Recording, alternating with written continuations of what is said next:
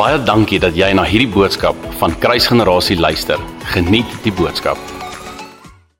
Johannes vind homself op 'n eiland met die naam van Patmos as gevolg van ballingskap, as gevolg van die feit dat hy gevange geneem is omdat hy die evangelie verkondig het en hulle hom in ballingskap uitgevoer het en gesê het jy gaan nou op baie eiland wees, Patmos. Nou Patmos was 'n eiland gewees in die middel van 'n van die see wat ver is van enige plek af. Jy kan nie swem na enige ander plek toe nie. Jy kan net op daai eiland wees. amper soos Robben Eiland, behalwe dat Robben Eiland jy nog Kaapstad kan sien.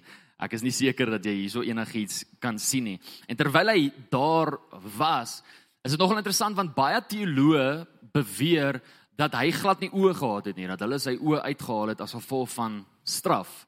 Nou ek kan nie dit verseker sê nie.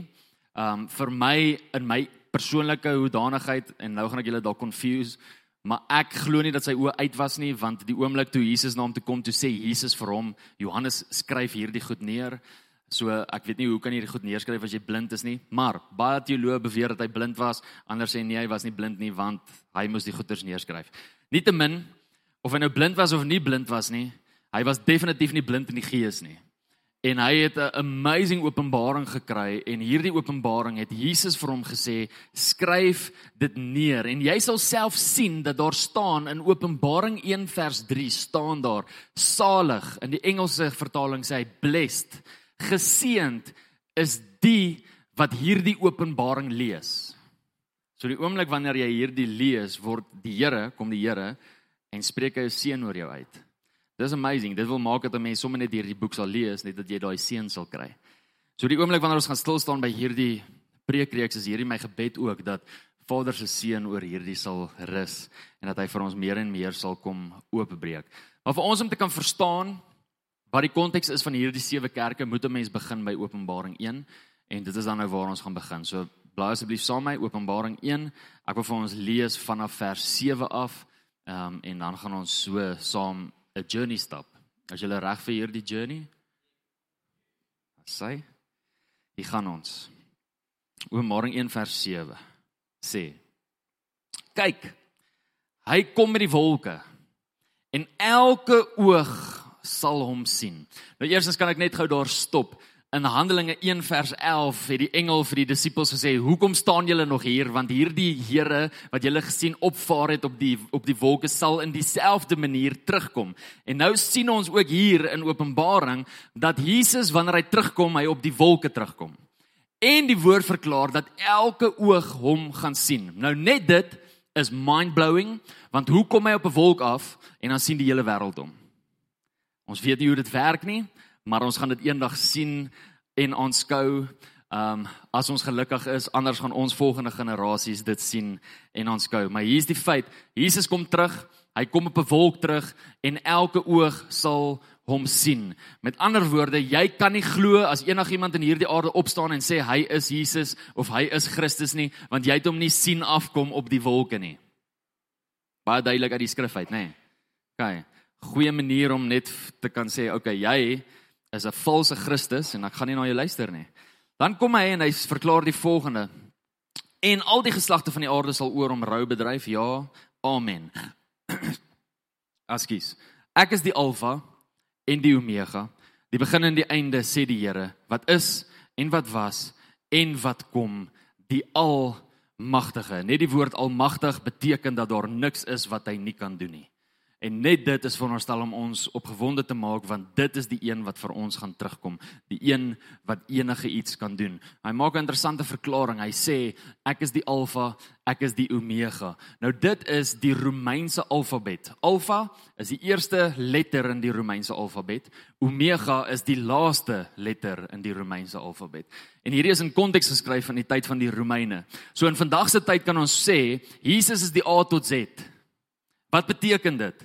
Dit beteken dat wat ook al jy in Jesus soek, het hy. Wat ook al jy in Jesus nodig het, is hy. Wie jy ook al wil hê hy moet wees, is hy al reeds. Hoe jy hom ook al nodig het, kom hy en kan hy dit kom vervul want hy is die A tot Z. Daar's letterlik niks wat nie in hom is nie. Die volheid is binne in hom. Gaan lees bietjie Kolossense 2 of Kolossense 1 en dan sal jy dit sien. Hy is die Alfa en die Omega in vandag se tyd. Hy is die A tot Z. En kan ek net vir die volgende verklaring maak? Ek hoor deesdae dat daar selfs pastore en leraars en dominees is wat opstaan en agter 'n kansel staan en sê dat die woord van God nie meer relevant is tot vandag toe nie, want die wêreld het verander. Ons dink nie meer soos wat ons gedink het daardie tyd nie. Ons praat nie meer soos wat ons gepraat het daardie tyd nie. Daai verklaring is 'n verklaring dat God net so klein is. Om te kan dink dat God nie woorde op bladsye te kan sit wat tot in die einde relevant sal wees tot ons lewens nie, is 'n verklaring dat God baie klein is in jou mind. God is groot. En dit wat hy in hierdie woord gesit het sal relevant wees tot die dag wat hy terugkom. Het Jesus nie self gesê dat geen woord wat in hier geskryf is sal uitgevee word nie. Dit sal tot tot in ewigheid wees. So moenie eers luister die oomblik wanneer 'n man van God hier staan en vir jou van hierdie mic af sê of van enige ander mic af sê die Bybel is nie meer relevant nie. Sit jou TV af. OK. Vandag gaan hy vir jou klomp nonsens leer. Want as die woord van God nie meer relevant is nie, wat leer jy ons dan uit die woord uit? En wie verklaar, wie kies wat is relevant en wat is nie relevant nie? OK, klaar gerand, hier gaan ons. Openbaring Openbaring 10 tot 17. Ek het hierdie nou klaar vir julle gelees, maar kom ek lees net gou vir julle vers vers 10 en 11. Ek was in die gees op die dag van die Here, met ander woorde op die Sabbatdag, op Sondag, was ek in die gees En ek het agter my 'n groot stem gehoor soos van 'n bassein. Dit is so belangrik. Ek hoop julle het dit gedoen so 'n hele rukkie terug, so 2, 3 maande terug het ek vir julle skrifverse gegee en vir jou gesê as jy 'n studie wil doen op die op die openbare Jesus, die die Jesus wat jy letterlik kan sien, die karaktereienskappe van sy fisiese en van hoe hy lyk, is dit so nodig om studie te gaan doen in hierdie volgende skrifverse en toe ek vir julle 6 skrifverse gegee. En hierdie is iets wat jy moet weet, die oomblik wanneer hy praat, dan klink dit soos 'n bassein. En hy het gesê ek is die Alfa en die Omega, die eerste en die laaste. En skryf wat jy sien in 'n boek en stuur dit na die sewe gemeentes in Asia en dan noem hy hierdie sewe gemeentes. Hy sê Efese, Smyrna, Pergamus, Thyatira, Sardes, Philadelphia en Laodicea. En toe het ons daai gedeelte nou gelees, toe ek omdraai om te kyk watter stem met my praat. Toe sien hy daai hele openbaring van wie Jesus is. Weet julle hoe amazing is daai openbaring? Want daai openbaring verklaar die volgende. Paulus skryf in Efesiërs 6 vers 12 sê Paulus ons stryd is nie teen vlees en bloed nie. Wat 'n verklaring is dat jy moet weet dat wat ook al teen jou kom is nie as gevolg van 'n mens wat teen jou teen jou kom nie. Daar's 'n gees agter dit. Daar's Ons stryd is nie teen vlees en bloed nie. My stryd is nie teen jou nie. Jou stryd is nie teen my nie. Jou stryd is nie teen die mense wat daar buite is nie. Jou stryd is nie teen die mense wat nie die Here ken nie. Jou stryd is teen bose geeste, owerhede, wêreldheersers. En hy noem hulle daar, gaan kyk in Efesiërs 6 vers 12 en dit is hoekom hy sê ons die volle wapenrusting moet aantrek terwyl ons in tale praat wat 'n preek is vir 'n ander tyd. Ek meng maar net so bietjie, gooi net bietjie iets daarin vir julle om net bietjie te dink. Maar Efesiërs 6 vers 12 sê: Ons stryd is nie teen vlees en bloed nie, dit is teen owerhede, dit is teen magte, dit is teen wêreldheersers van duisternis en teen die booste geeste in die lig. So hoor gou hier.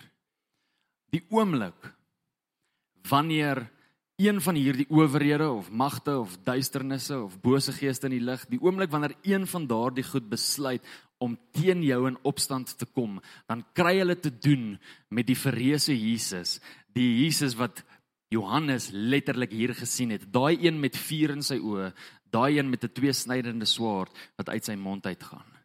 Dis met wie hulle te doen het. Die oomblik wanneer iets teen die kerk wil kom, het hulle te doen met daardie Jesus.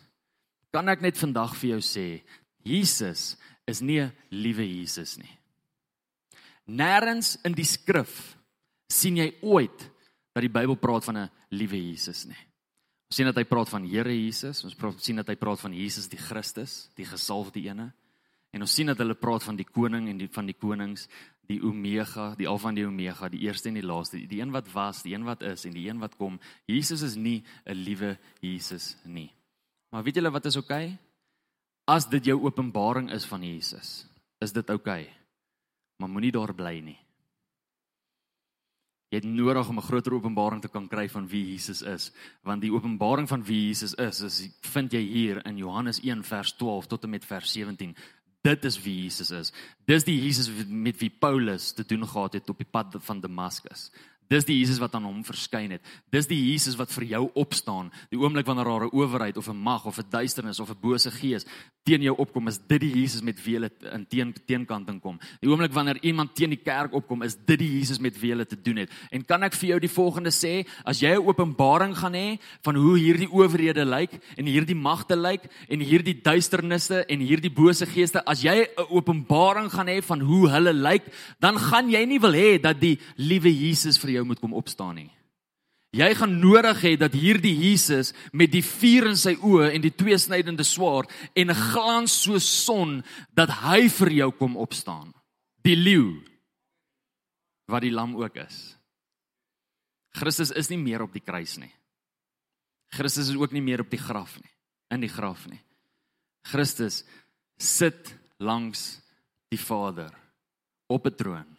Hy heers en alles is onder sy voete. Dis die Jesus met wie ons te doen het. En dan lees ons aan, waar is die wind? Kyk wind. Vers 19.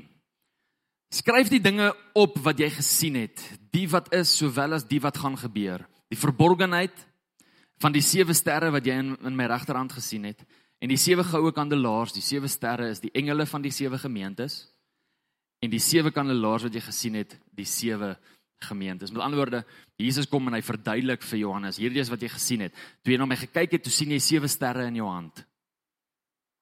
En hy sê, die sewe sterre wat jy in my hand gesien het, is die sewe engele van die gemeentes. Die woord engele daar is dieselfde woord wat hulle gebruik vir engele reg oor die ander gedeeltes van die Nuwe Testament, is die woord angelos.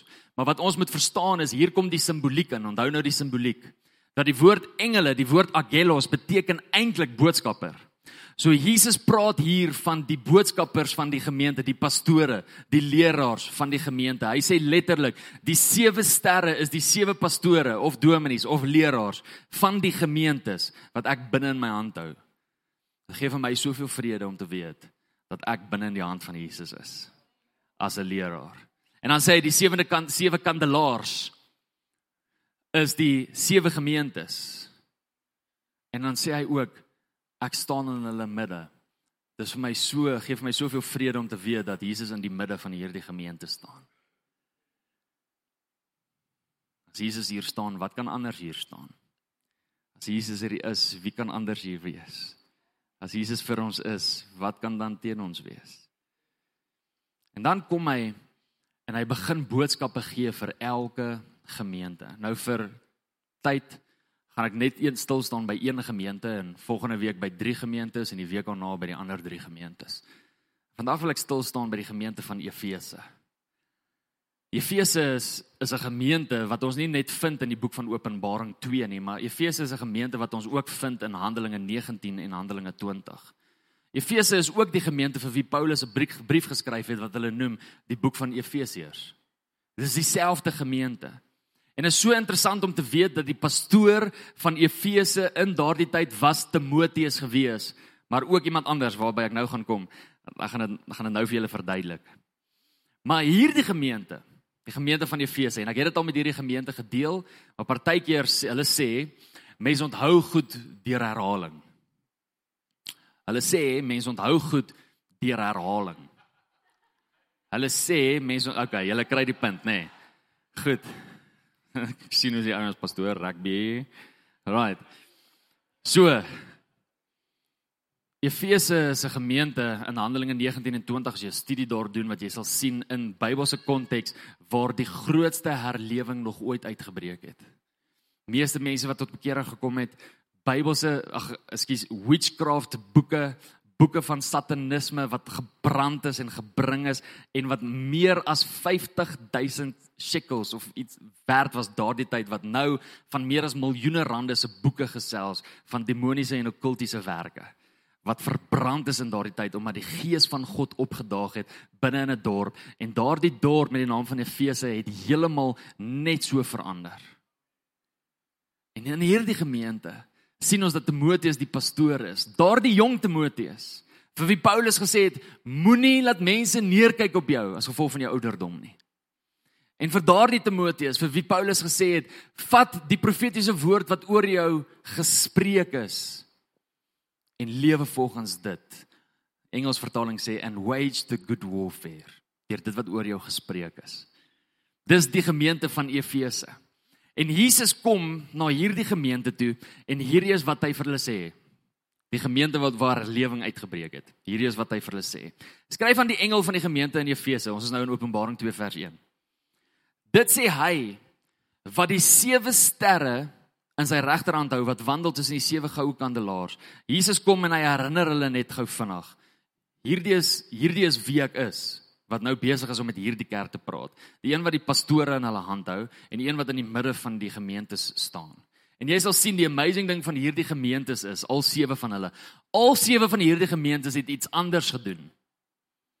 Het 'n ander taak gehad, het 'n ander funksie gehad. Wat amazing is, want ek hoor soveel keer gaan na 'n konferensie toe en dan sit jy daar by die konferensie en dan sê hulle vir hulle vir jou, jy is nie 'n ware kerk as jy nie dit doen nie, nie dit doen nie, nie dit doen nie, nie dit doen nie. En dan wil ek opstaan en sê, nee, jy is nie 'n ware kerk as jy nie doen wat Jesus vir jou sê jy moet doen as 'n kerk nie. Want jy kan nie gaan doen wat almal doen nie. Ons is deel van 'n liggaam. Dit is so belangrik vir kruisgenerasie familie om te doen wat God kruisgenerasie familie voorgeroep het in hierdie dorp. Dit is belangrik vir Korpus om te doen waarvoor die Here Korpus geroep het en NG Suid om te doen waarvoor die Here NG Suid geroep het en NG Dennisig om te doen waarvoor die Here hulle geroep het en Solid Ground en Cornerstone en you name it. Dit is so belangrik vir elke gemeente in hierdie dorp om te doen wat God vir hulle sê hulle moet doen, want anders gaan daar 'n leemte wees in hierdie dorp sien daar's 'n fragrance wat elke gemeente release. Daar's iets in hierdie gemeente wat jy gaan kry wat jy nie by 'n ander gemeente gaan kry nie. En dan's daar goed in ander gemeentes wat jy gaan kry wat jy nie hier gaan kry nie. En dit is hoe dit moet wees. So hou op sê nee, julle doen dit nie soos korpus nie. So ek gaan eerder korpus toe gaan. Gaan dan korpus toe. As jy so wil so wil wees. Ek is baie lief vir korpus. Hulle doen 'n amazing ding. Ons werk saam met hulle elke jaar. Gaan na hulle toe. Jy's in goeie hande as jy na hulle toe gaan. Regtig. Hy sê die volgende. Vers 2. Ek ken jou werke en jou arbeid en jou lydsaamheid. En dat jy slegte mense nie kan verdra nie. En dat jy die op die proef gestel het wat sê dat hulle apostels is en dit nie is nie en hulle leenaars bevind het. OK, kom ons staan net gou stil daar. So Jesus kom na hierdie gemeente toe in Efese waar herlewing uitgebreek het en hy sê vir hulle die volgende. Hy sê ek ken julle werke, ek ken julle arbeid en ek ken julle lydsaamheid wat 'n groot Afrikaanse woord is net vir geduld. Ek ken julle geduld en dat jy slegte mense nie kan verdra nie. Die woord slegte mense daar gaan ek vir julle uitspel want as ek dit gaan sê gaan julle snaaks ding van my. Die woord slegte mense in die Grieks, slegte, is die woord K A K O S. K A K O S. Gaan dit ook nie uitspreek nie. Dit is die woord en dit beteken letterlik die volgende: skademakers of kwaad aandoeners. So hierdie is wat Jesus vir hierdie gemeente sê, "Well done." Julle laat dit nie toe dat daar enigiemand in julle gemeente is wat kom kom skade maak of kwaaddoeners is of eenheid kom verbreek of enige iemand in julle gemeente se fokus van my afval nie. Julle laat dit nie toe nie. Ouch. Ek wonder hoeveel keer laat ons dit toe. Ek wonder hoeveel keer leer on, leen ons ons ore aan mense wat praat oor ja, jy weet as daai pastoor preek gaan ek dalk nie kerk toe kom nie. Of ja, as daai persoon worship lei dan wil ek dalk eerder nie saam sing nie. Is dit nie skade aandoeners nie? Is dit nie mense wat eenheid verbreek nie? Dit is so interessant dat hierdie gemeente het dit nie eens geduld nie. Hulle daai mense net uitgesit en gesê jy's nie welkom hier nie. Jy moet eenheid hê. My hart is om jou nie uit te sit nie. My hart is om vir jou te sê kom in lyn met die eenheid wat die Here wil bewerk want die oomblik as daar eenheid is, dan is daar seën en ek is agter die seën van die Here aan, nie net vir my onthaalwe nie, maar vir julle onthaalwe ook. Dan praat hy sê hy dat ehm um, gaan ek ek gaan dit gou sien toe. En dat julle die op proef gestel het wat sê dat hulle apostels is en dit nie is nie. Met ander woorde in daardie tyd het daar ouens na hulle gemeente toe gekom en het gesê ja, nee, ek is 'n apostel. En dan het hulle probeer bedien daar want want kom ons wees eerlik, party gemeentes kry 'n mens waar enige pastoor graag sal wil gaan preek want daai gemeente in hulle oë is wow. Dis net wow, die Here doen sulke amazing werk daar. Ehm um, die, die gemeente is groot, die gemeente is geseën, die Here doen groot goed daarso. Ek wil daar gaan preek. En in hierdie tyd is dit jy so Efese is die gemeente. Dis waar herlewing uitgebreek het. Dis waar mense se bene groei, dis waar mense opstaan en loop, dis waar mense wat blind is sien, dis waar mense wat wat doof is weer hoor. Amazing goed gebeur hier. En nou kom hulle na hierdie gemeente toe en sê, "Hey, ek is 'n apostel. Ek wil ook graag hierso bedien. Ek wil ook graag hier preek." En hierdie gemeente was op 'n plek gewees waar hulle agter die kap van die Bybel gekom het. Gesien het, maar luister hierso, jy is 'n leenaar. Jy sê jy is 'n apostel, maar jy is nie 'n apostel nie. Dis eintlik vandag jy kyk so na my en dink jy dalk by jouself, hoe sê 'n mens of 'n ou apostel is en of hy nie 'n apostel is nie? Dit is eintlik heel eenvoudig. Die woord apostel is die woord apostolos en dit is eintlik nie 'n 'n Christen woord nie. Dit is eintlik nie deel van die Joodse kultuur nie, dit was deel van die Romeinse kultuur gewees.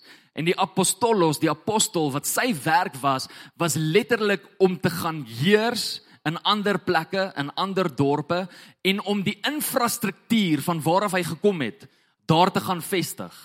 Met ander woorde, as die apostel van die keiser in daardie tyd. Kom ons noem hom Herodes vir simboliek saak. Kom ons sê Herodes stuur iemand uit en sê gaan na daardie stad toe ek wil hê julle moet daardie stad oorwin. Dan gaan daar 'n apostel saam met 'n hele weermag. Hulle gaan wen hulle gaan oorwin daardie daardie dorp hulle gaan oorwin daardie stad. En dan kom die apostel in en hy verander die infrastruktuur van daardie stad sodat daardie stad lyk soos Rome. Sodat wanneer die keiser binne in daardie stad instap dat dit vir hom sal voel of hy nog steeds in Rome is. Dit was die werk van die apostel in die sekulêre Wat is die werk van die apostel in die geloof, in die Christen geloof? Is letterlik om die infrastruktuur van 'n plek so te verander dat wanneer die koning, wanneer die keiser instap, dat dit vir hom sal voel hy is in die plek van waarof hy kom. Kriek kriek. Met ander woorde, Die hele gebed wat Jesus sy disippels leer om te bid, soos in die hemel, net so ook op die aarde. Die apostels se werk is om seker te maak dat dit binne in 'n plek soos in die hemel, net so ook in die aarde op die aarde, binne in daai plek ook so sal lyk. Dit was die apostels se werk. Maar Paulus kom en hy en hy gee eintlik vir ons in 2 Korintiërs 12 vers 12 'n kenmerk van 'n apostel.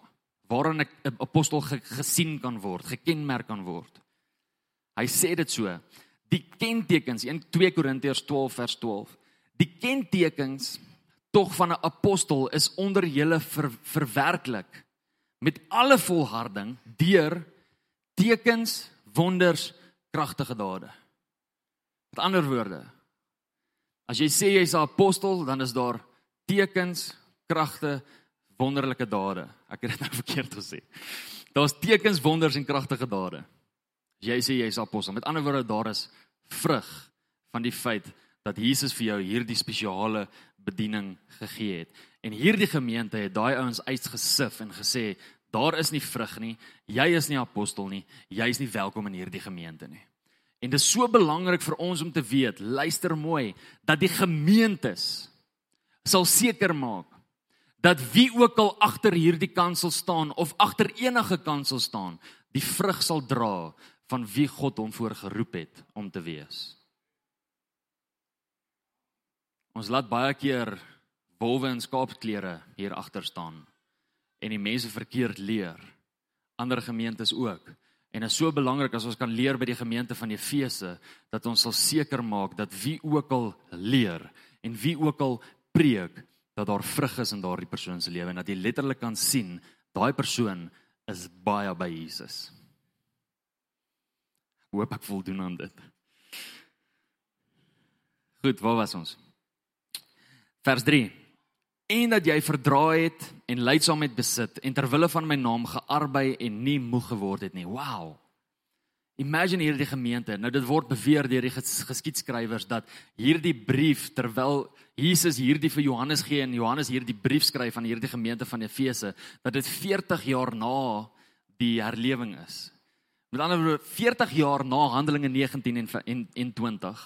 40 jaar na dit word hierdie brief geskryf aan Efese en hierdie is wat God vir hulle sê. Hierdie is wat Jesus vir hulle sê. Julle het gearbei en julle het nie moeg geword nie.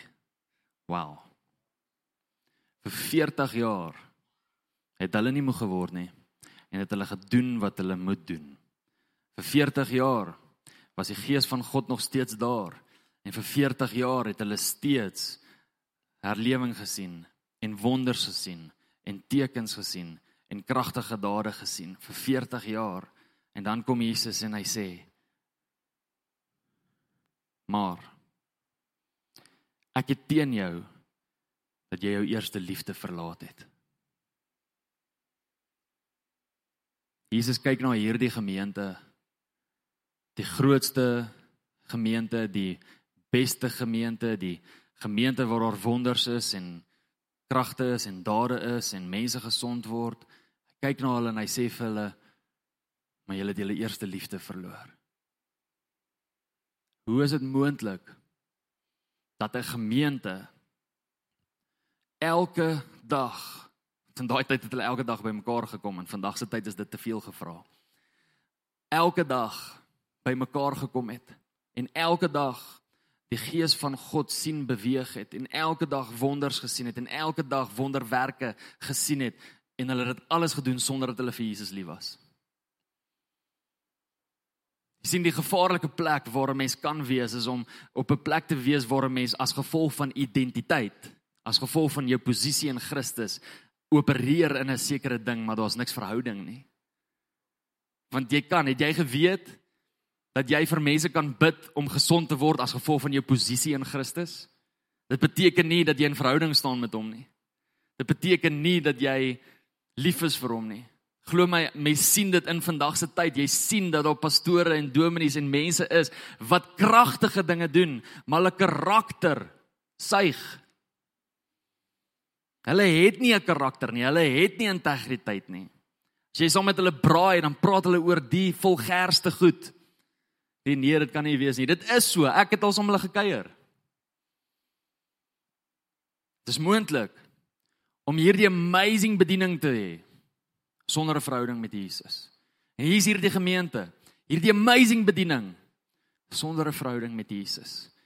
Paulus kom in 1 Korintiërs 13 en hy skryf vanaf vers 1 tot vers 14.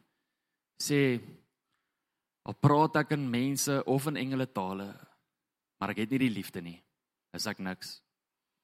Al profeteer ek, ek het nie die liefde nie, is ek niks. Al gaan ek na mense toe en ek reik na hulle uit, ek gee vir hulle en ek help hulle, maar ek het nie die liefde nie, is ek niks. En ek het daai skrif altyd gelees en gedink dat ek liefde moet hê om dit te kan doen wat die waarheid is. Maar Jesus lei my in 'n groter openbaring in en en sê eintlik vir my die volgende Jan, as jy nie liefde ken nie, as jy nie in verhouding met my staan nie, gaan jy in elk geval nooit liefde hê nie. Dan help dit nie doen die goed nie. Want dan is dit werke. En julle sal hier sien, Jesus kom na die gemeente toe en hy sê vir hulle, "Well done met julle werke." Well done. Julle het goed gedoen, julle het nie opgehou nie, julle het nie moeg geword nie, well done. So Jesus kom en hy gee 'n tap on the back vir werke. Maar werke red jou nie. En werke was nie goed genoeg vir Jesus nie. Onthou julle vir Martha en Maria? Martha besig in die kombuis, Maria by sy voete. Martha moan omdat Maria nie help nie. Sien, maar jy gaan nooit vir Jesus impress as jy besig is om broodjies te maak wat hy nie bestel het nie.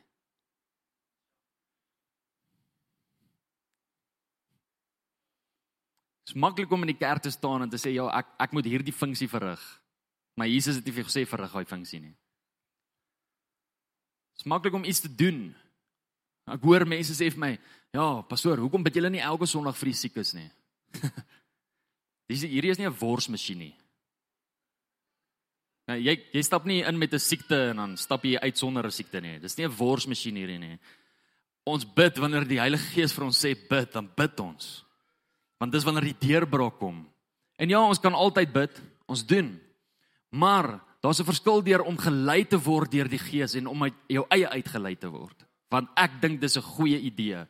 As ek elke Sondag op hierdie kant sal gaan staan en gaan beweeg as gevolg van die feit dat ek dink dis 'n goeie idee, gaan ons word waar hierdie gemeente is en dan gaan Jesus na ons toe kom en vir ons sê jy het jou eerste liefde verloor. Maar ons as 'n gemeente kan ek bietjie op tone trap, trek dit net so bietjie in. Sê dis vir die ou lank show, is nie vir jou nie. Ons as 'n gemeente kom hier na toe en ons sien meer uit na die preek as wat ons na die worship uitsien. Is dit die waarheid? Hoop nie so nie, maar ek dink dit is. Ons sien meer uit na die preek as wat ons uitsien na die worship. Julle sien meer uit daarna om ontmoeting met my te hê as met 'n koning van die konings. Come on. Gemeente. Is ons eerste liefde verloor. Waaroor gaan dit vir ons? Gaan dit vir ons ook oor die werke? Of oor die jong oulike pastoor wat hier is? Of, of gaan dit vir ons oor Jesus? Ek het in daai een ingeloop, ek weet.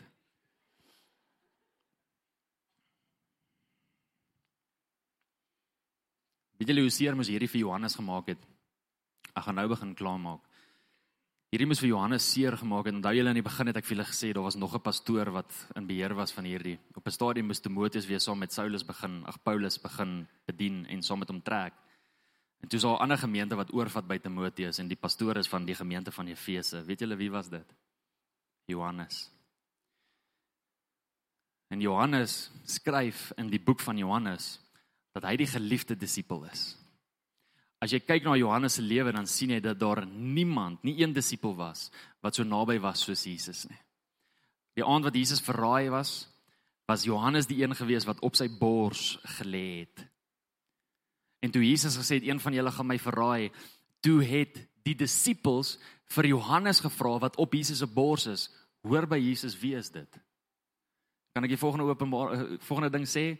Hoe nader jy aan Jesus is, hoe meer openbaring gaan jy kry. Al daai disippels was naby Jesus. Johannes was die naaste. Vir wie het hulle gevra vir die openbaring? Vir Johannes. Hy was die naaste. En hy was die een gewees wat Jesus die liefste gehad het. En hy verklaar ook dat Jesus hom die liefste gehad het. Jesus het hom so lief gehad dat hy sy ma vir hom gegee het terwyl op die kruis gehang het. Hierdie pastoor staan voor die Here en die Here sê vir hom: "Johannes, jou gemeente het hulle eerste liefde verloor." Dit moes vir Johannes gebreek het om hierdie te hoor, om hierdie te sien. Want waar het hy verkeerd gegaan? Waar het hy dit gemis? Jy sien ons dink ons impres die Here as ons hier opdaag en die Heilige Gees het beweeg en iemand praat in 'n taal en iemand val om in die Gees en iemand word genees. Ons dink ons impres die Here. Ons dink, "Joh, nou het ons lekker kerk gehou." En eintlik impres ons net die Here wanneer ons by sy voete is. Dis die enigste plek. Dis die enigste plek waar jy hom iets kan gee, waar jy hom iets kan bied, is as jy by sy voete is. Maria. Nie Martha nie. Hierdie gemeente in Efese was 'n Martha gemeente. En Jesus kom na hulle toe en sê: "Ek wil nie meer hê julle moet fokus op die werke nie." Want hy sê, hy sê, hoor mooi, vers 4, hy sê jou eerste liefde verlaat. So hierdie gemeente was op 'n plek gewees waar hulle eerste liefde gehad het. Maar hulle het dit verlaat. En in vers 5 sê hy vir hulle: "Onthou dan van waar jy uitgeval het en bekeer jou en doen die eerste werke. Die woord bekeer daar is die woord metanoia. Met ander woorde, hierdie is nie 'n reddingsbekering nie. Hierdie is 'n verandering van jou gemoedbekering waarvan hy praat. Hy sê verander jou gedagtes want jou gedagtes het gemaak dat jy jouself hier beland het. Jy het jouself beland in 'n plek waar jy besig is met werke en besig is met kerk en besig is met die dinge van die Here en jy het vergeet van die Here van die dinge. Kom terug. Kom hê my lief en vergeet van die werke. Want die oomblik wanneer jy uit liefde optree werk jy in elk geval harder. 'n Maria sal baie harder werk as 'n Martha elke keer kan ek dit vir jou bewys moet ek dit vir jou bewys wie van julle was al ooit verlief Toe jy verlief was, hoeveel het jy gedoen vir jou maat? Hoeveel doen jy nou vir jou maat? As jy lief is, gaan jy uit jou pad uit. En jy doen en jy werk en jy maak seker daai persoon is happy want jy's lief. As jy terugkeer na eerste liefde toe, gaan jy in elk geval harder werk as wat hierdie ouens gewerk het. Sê nee, maar ons kan nie die hele tyd net by Jesus se voete wees nie. Ja, dis wat die duiwel wil hê jy moet glo. Nee, ons kan iemand moet 'n Martha wees. Nee nee nee, iemand moet 'n Maria wees wat lief is vir die Here en as gevolg van liefde optree. Dis wie ons moet wees. Ons moet nie Martas wees nie. Niemand nie. En dis op pastore kry wat sê nee, daar moet Martas wees in 'n kerk. Hy's 10 10 in 'n Martha. So kom hy dit sê. Het jy al gesien dat die hoogmoedigste mense is altyd die mense wat in selfregverdiging optree? En die nederige mense is altyd die mense wat toelaat dat hulle lewens, hulle vrug, die praatwerk doen nie altyd nodig om 'n antwoord te gee nie. Nie altyd nodig om selfregverdigend te wees nie. Dis hoogmoed. Partykeer net toelaat dat jy vrug praat. En die Here sê vir hulle Hy sê anders kom ek gou na jou toe en sal ek jou kandelaar van sy plek verwyder as jy nie bekeer nie. Jo, Hierdie is wat Jesus vir hulle sê. Hierdie is nou simboliek, die kandelaar is simboliek van die Heilige Gees. So hierdie is wat Jesus vir hulle sê. As julle nie terug terugkeer na eerste liefde nie, verwyder ek die Heilige Gees van julle af en dan kan julle werk soos wat julle wil, dan gaan daar niks gebeur nie. Dan is daar nie meer wonders nie, daar is nie meer tekens nie, daar is nie meer kragtige dade nie. Want daar's nie eerste liefde nie. Kan ek dalk die volgende verklaring maak? Jy sien dalk nie wonders, tekens en kragtige dade in jou lewe nie omdat jy nie op 'n plek is waar jy eerste liefde in jou lewe toepas nie. God werk dalk nie deur jou nie want jy dalk nie eerste liefde nie.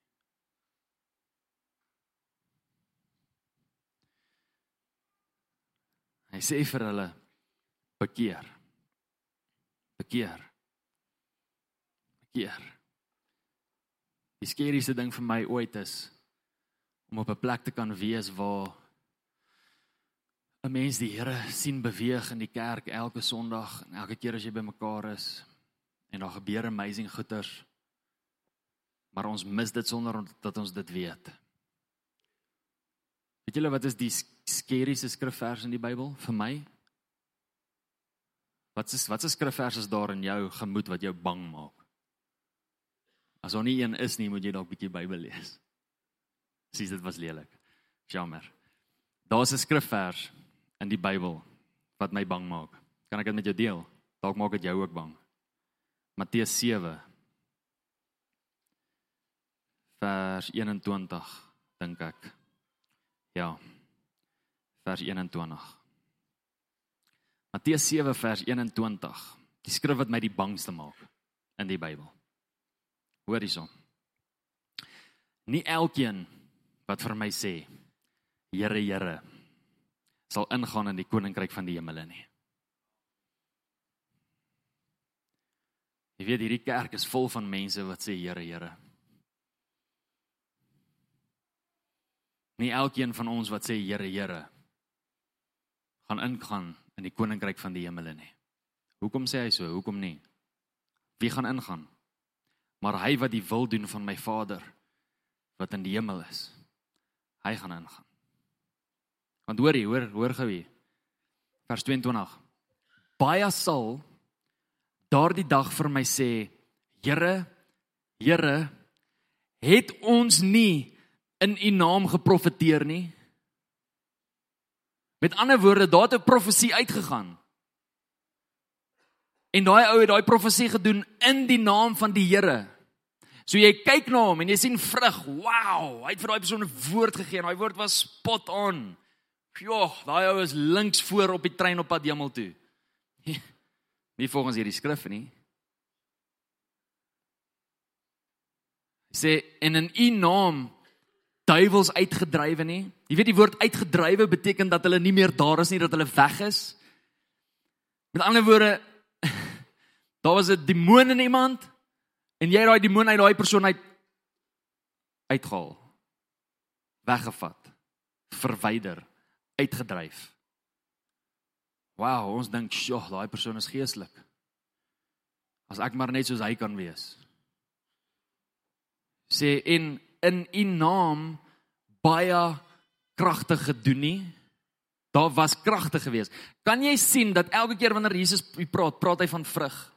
Hy praat nie van hulle het gesê dat hulle dit gaan doen nie. Hy praat van vrug. Hulle het dit gedoen. En dan kom hy en hy sê sê in vers 23 en dan sal ek aan hulle sê ek het julle nooit geken nie. Gaan weg van my, julle wat die ongeregtigheid werk. Want elkeen dan wat na hierdie woorde van my luister en dit doen, hom sal ek vergelyk met 'n verstandige man wat sy huis op die rots gebou het. Dit is vir my die skerieste skrif in die Bybel.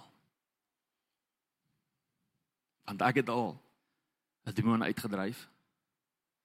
Want ek het al geprofeteer vir iemand. Want ek het al vir mense gebid en dan word hulle gesond. En wat as ek dan nou eendag voor hierdie koning staan en hy sê vir my ek ken jou nie. Weet jy wat se bewys is dit? Dat daar nie 'n eerste liefde is nie. Dat jy nie met hom tyd spandeer nie. Dat die meeste tyd wat jy met Jesus spandeer is op 'n Sondagoggend, as jy by die kerk is. Dit gaan jou nie help nie. Dit gaan jou nie red nie. Dit help nie jy staan hier voor en jy kry 'n badge of 'n streepietjies wat sê, "Jog, hierdie man is 'n generaal. Hy kan duiwels uitdryf, hy kan profeteer, hy kan kragtige dade doen nie." Dit help nie. Dit beteken nie jy gaan hemel toe gaan nie. Jy moet 'n 'n liefhebber wees van hom. Ek hou van die Engelse. You have to be a lover of Jesus. Not a doer. A lover of Jesus. In die oomblik wanneer ons stil staan by hierdie gemeente in Efese, is hierdie wat ons kan leer, familie. Ons kan hard werk soos wat hulle gewerk het. Want dit is belangrik. Jesus het vir hulle gesê, "Well done." Dit is belangrik om hard te werk. Maar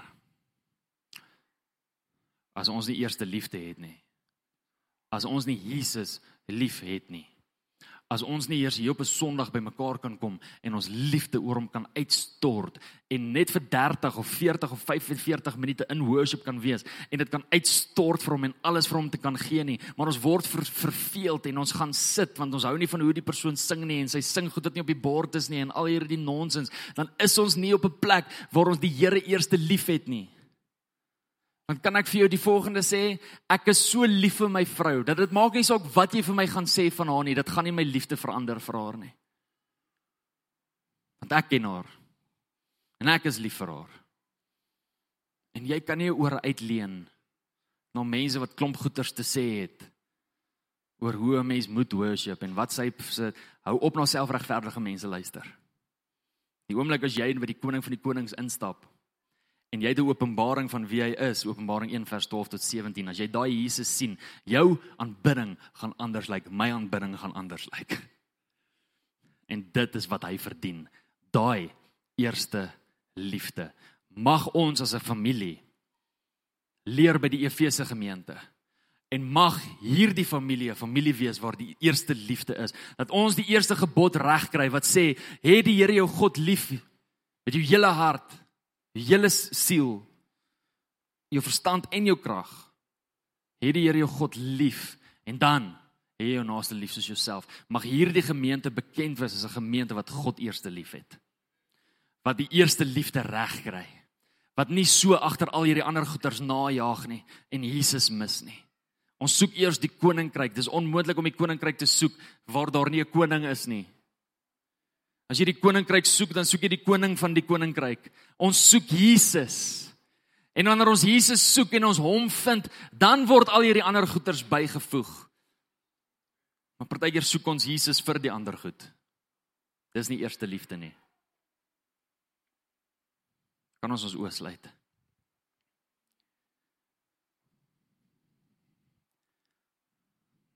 Vader.